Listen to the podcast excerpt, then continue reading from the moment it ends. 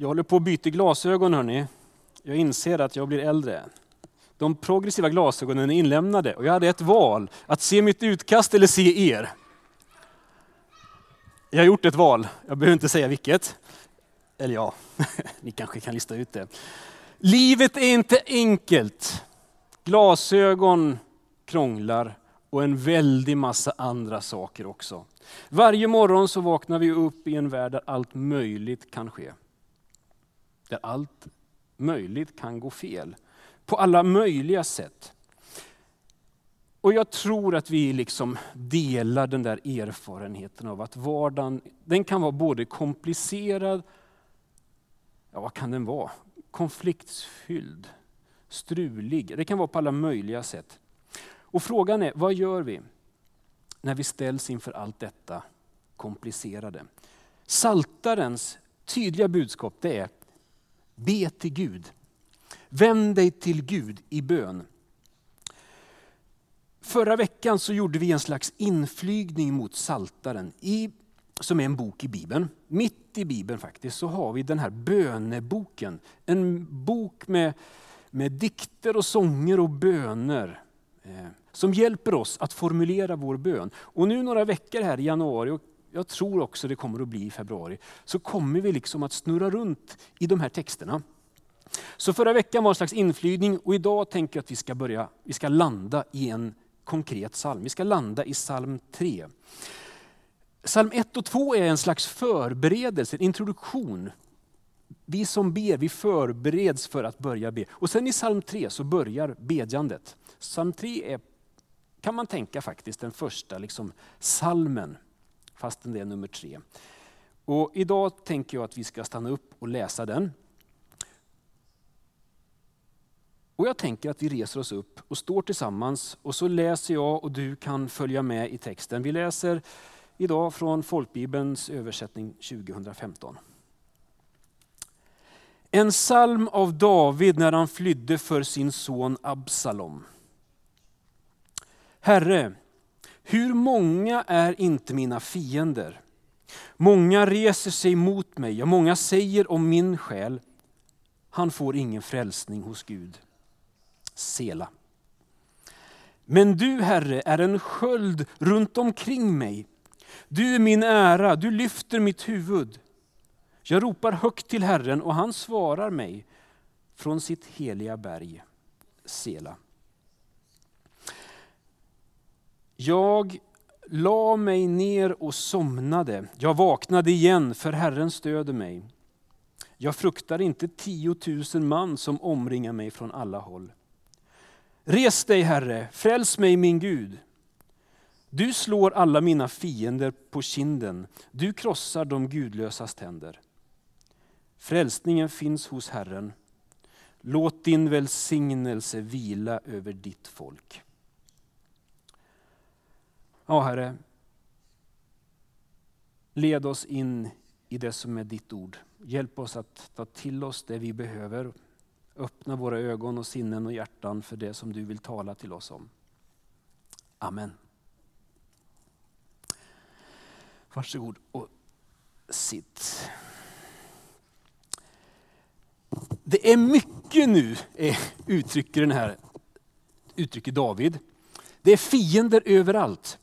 Och de är många, de är överallt, de tränger sig på från alla håll.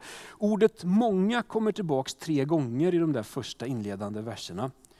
Det är fiender överallt och de agerar hotfullt, de attackerar, de angriper.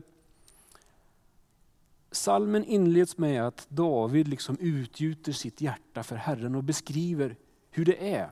Det är mycket nu. Och de här fienderna, de dyker upp i saltaren lite överallt. Mest hela tiden nästan.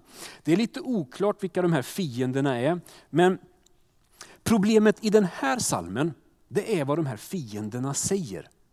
Det är deras budskap som är problemet. Och vad är det de säger? Jo, de säger, han får ingen hjälp eller frälsning från Gud, hos Gud. Alltså, det är ingen som bryr sig om dig.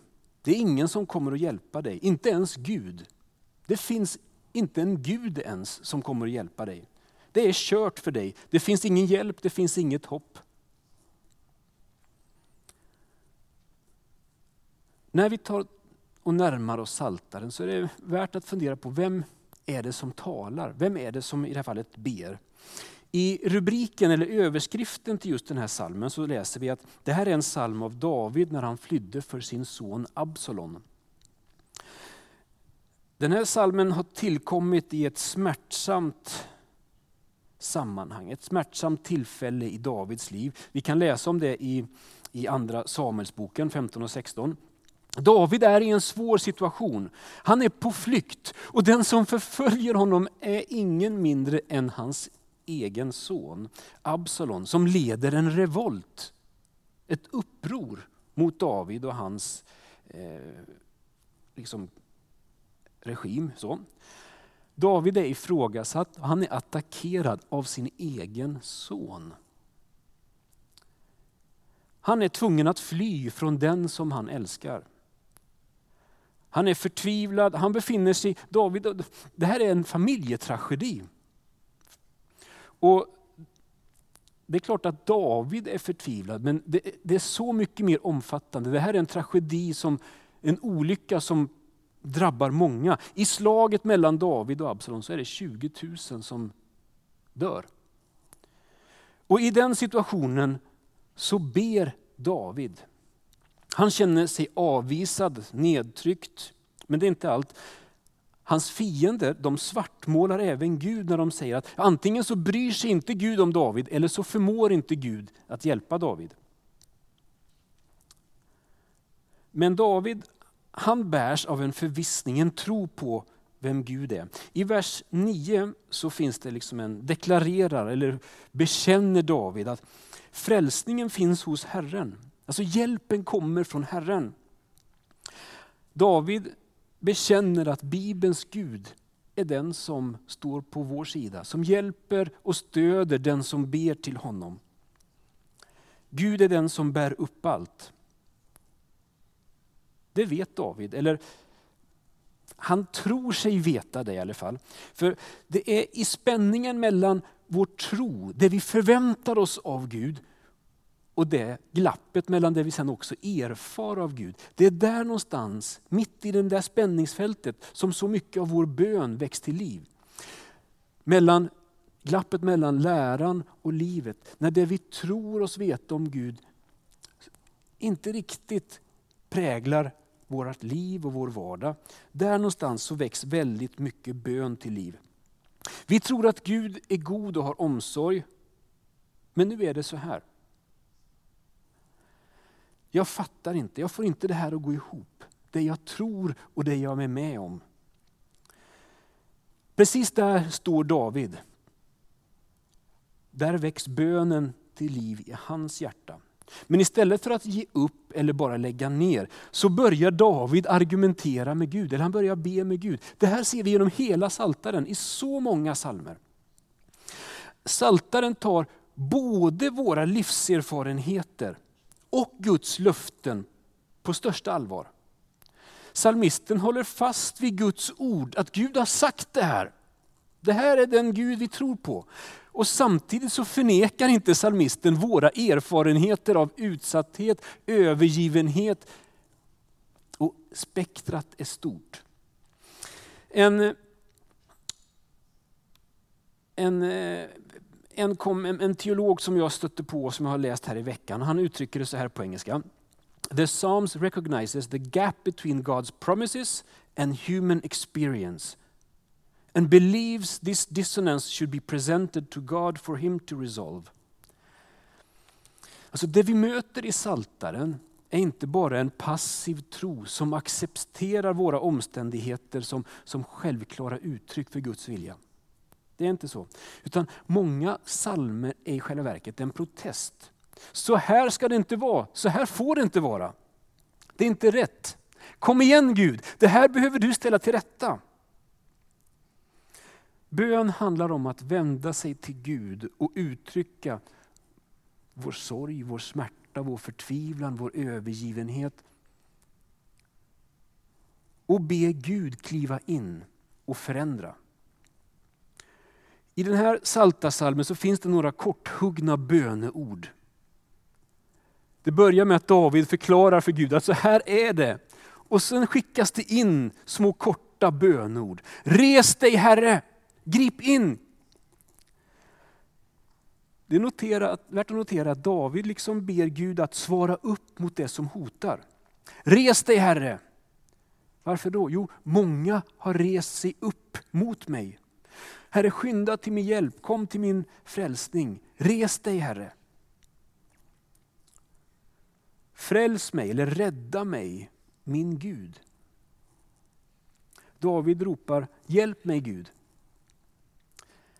Den där stormiga natten på sjön då Petrus sjunker så ropar han, Herre hjälp mig.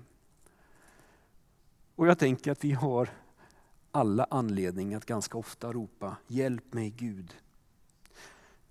Hjälp mig Gud.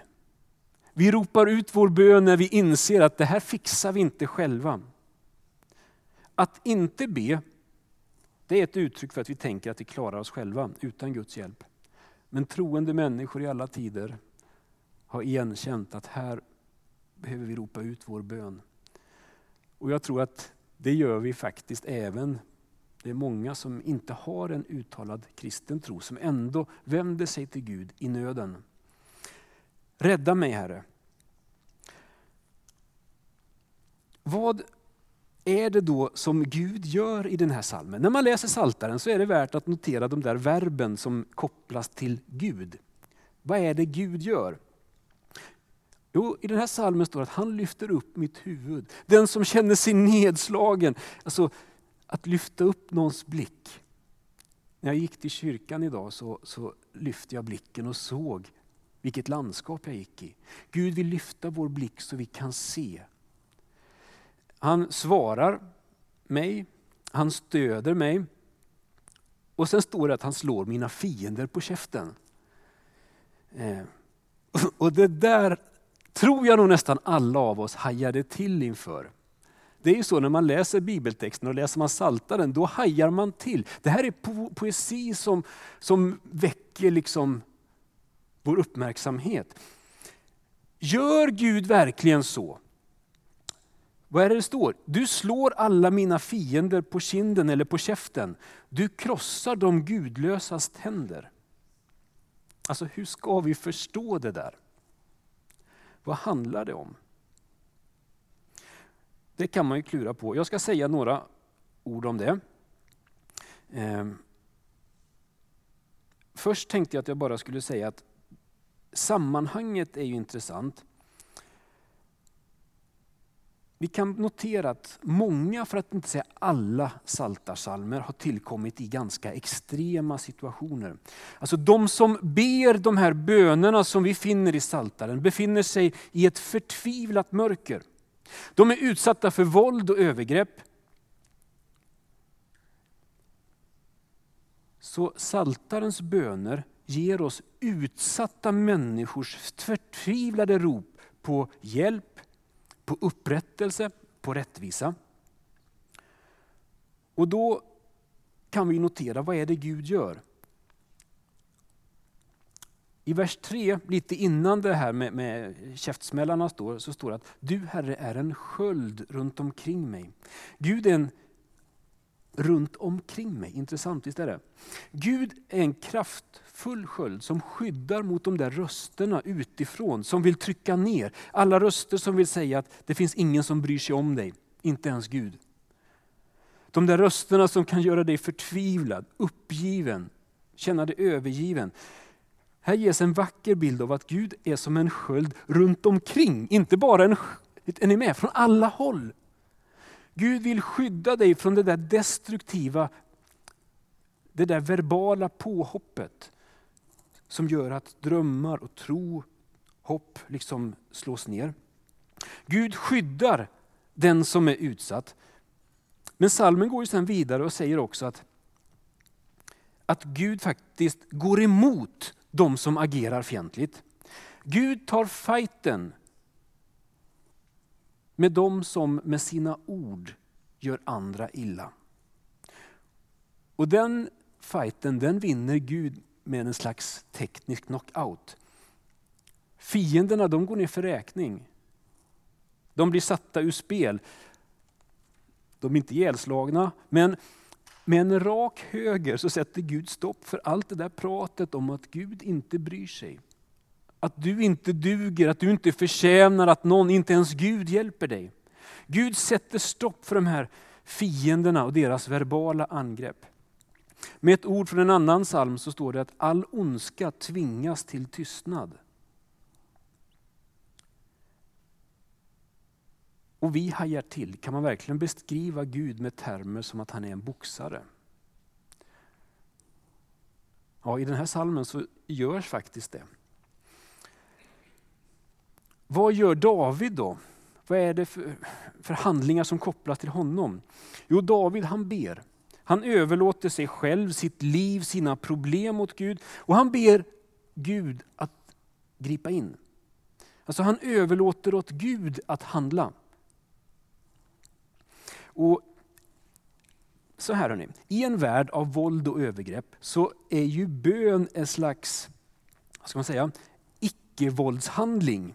Alltså David och salmisterna de överlämnar hämnden åt Gud.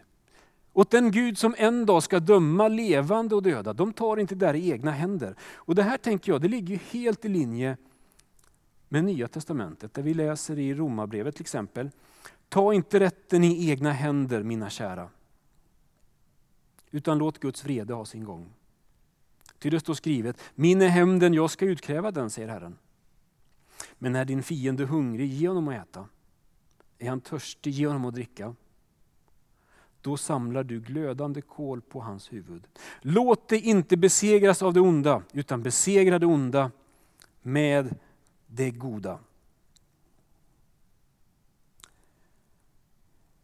En amerikansk teolog som lever i Gamla Testamentet, han sammanfattar Saltarens hämndsalmer så här. Att ropet på vedergällning efter ofattbara förluster överlämnas till Gud som är alltings domare. Det här är vad Saltaren lär oss.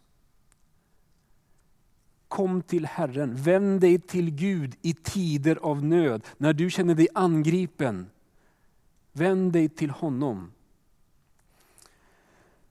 Vad gör David? Jo, han ropar. Jag ropar högt till Herren, står det i vers 5. Och sen står det att han vilar. Jag la mig ner och somnade, jag vaknade igen, för Herren stöder mig. Jag fruktar inte tiotusen man som omringar mig från alla håll. Att ropa och att vila. Båda de orden tänker jag ringar in kristen andlighet och kristet liv på ett fint sätt. Båda de här orden säger någonting viktigt om bön. Och, alltså bön handlar både om att ropa och att vila. Både och. Vi har ofta, tänker jag, ett problem med balansen mellan aktivitet och passivitet. Mellan att ropa och att vila. Olika kyrkor, olika kristna sammanhang tycks specialisera sig på en det ena och en det andra. På det ena eller det andra. Det är sällan som vi lyckas liksom faktiskt se att det kristna livet famnar mer, både och. Det finns sammanhang som bärs upp av kraftfull bön. Och så finns det sammanhang där man betonar vilan att striden är Guds. Och Saltaren vill ju någonstans hålla ihop det där. Och där växer ju min längtan och jag tror vår gemensamma bön att vår församlingsgemenskap skulle få både bäras av en kraftfull bön och samtidigt betona vilan i allt det där. Vi ropar och behöver inte hålla tillbaka med det som är vår erfarenhet av att det är leva här och nu i Norrköping. Men vi vilar samtidigt också insikten om att Gud stöttar oss. Slappna av, tagga ner, ta det lugnt. Gud har omsorg. Att överlåta sig i Guds händer, det ger frid i själen.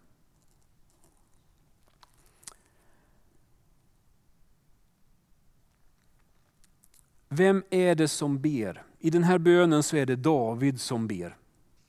Hela salmen kopplas tillbaks till det där som hände för så länge sedan. Sen har den där salmen fortsatt och varit Israels folks bön. Den har betts enskilt och gemensamt av troende människor i många år, många århundraden. Den här bönen är också Jesus bön. Kristna har i den här salmen sett tydliga kopplingar till Davids son, vår Herre och Frälsare Jesus Kristus, till hans död på korset.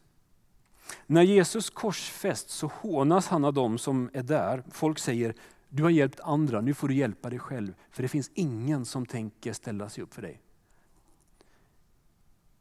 Det finns ingen annan, det finns ingen hjälp, det finns inget hopp. Det är kört för dig. Men Jesus förtröstar på Gud och han överlämnar sig i Faderns händer. Eller med ord, ja, han ger sitt liv, eller med ord från psalm 3. Jag la mig ner och somnade. Det vill säga, han somnar in och läggs i gravens mörker. Men den stannar inte där. Jag vaknade igen, för Herren stöder mig. Jesus uppstår från de döda genom Faderns stöd och hjälp. Och det är den uppståndne Jesus som ber för oss med ord ifrån psalm 3. Låt din välsignelse vila över mitt folk, över ditt folk. Den uppståndne Jesus är den som kommer och ber in i våra liv om Guds hjälp, om Guds ljus, om Guds frid, om Guds kraft. Från honom kommer vår räddning. Det är han som bär, det är han som stöder, det är han som hjälper. Så psalm 3, det är Davids bön, det är Israels böner, det är Jesu bön och det får också vara vår bön. Det är inte så vanligt idag tänker jag att folk går rakt fram och säger att det finns inget hopp för dig. Det finns ingen som ställer upp för dig. Jag tror snarare det är inre röster som trakasserar, som attackerar, som är det stora bekymret för många. Inre röster som säger att det finns ingen som hjälper dig, inte ens Gud. Röster som påpekar att du inte duger, att du inte räcker till. Men lyssna. Vi är Guds älskade barn och Gud är din Gud. Och Jesus är den som står upp mot alla de här rösterna som vill tala ut att Gud inte är god, att Gud inte bryr sig, att du är övergiven och hopplöst förlorad. Allt det där står Gud upp emot. Och han vill vara en sköld omkring dig på alla sidor.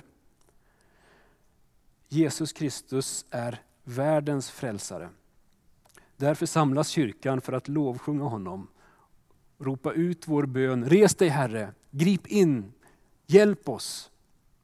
Låt din välsignelse få vila över oss. Välkomna fram Emma och Jonas. Ni ska Låt oss få landa i det som jag har delat genom att sjunga ut orden från psalm 23. Och Herre, när vi stannar upp just nu så ber jag att det som du har velat tala in i våra liv om den här morgonen skulle få landa. Tack att vi med din kyrka och troende över hela världen får be. Och jag ber att vi i inledningen av det här året skulle få ta steg i bön. Vi kommer till dig. Tack att du då möter oss med vidöppen famn. Här och nu så är vi inför dig. Amen.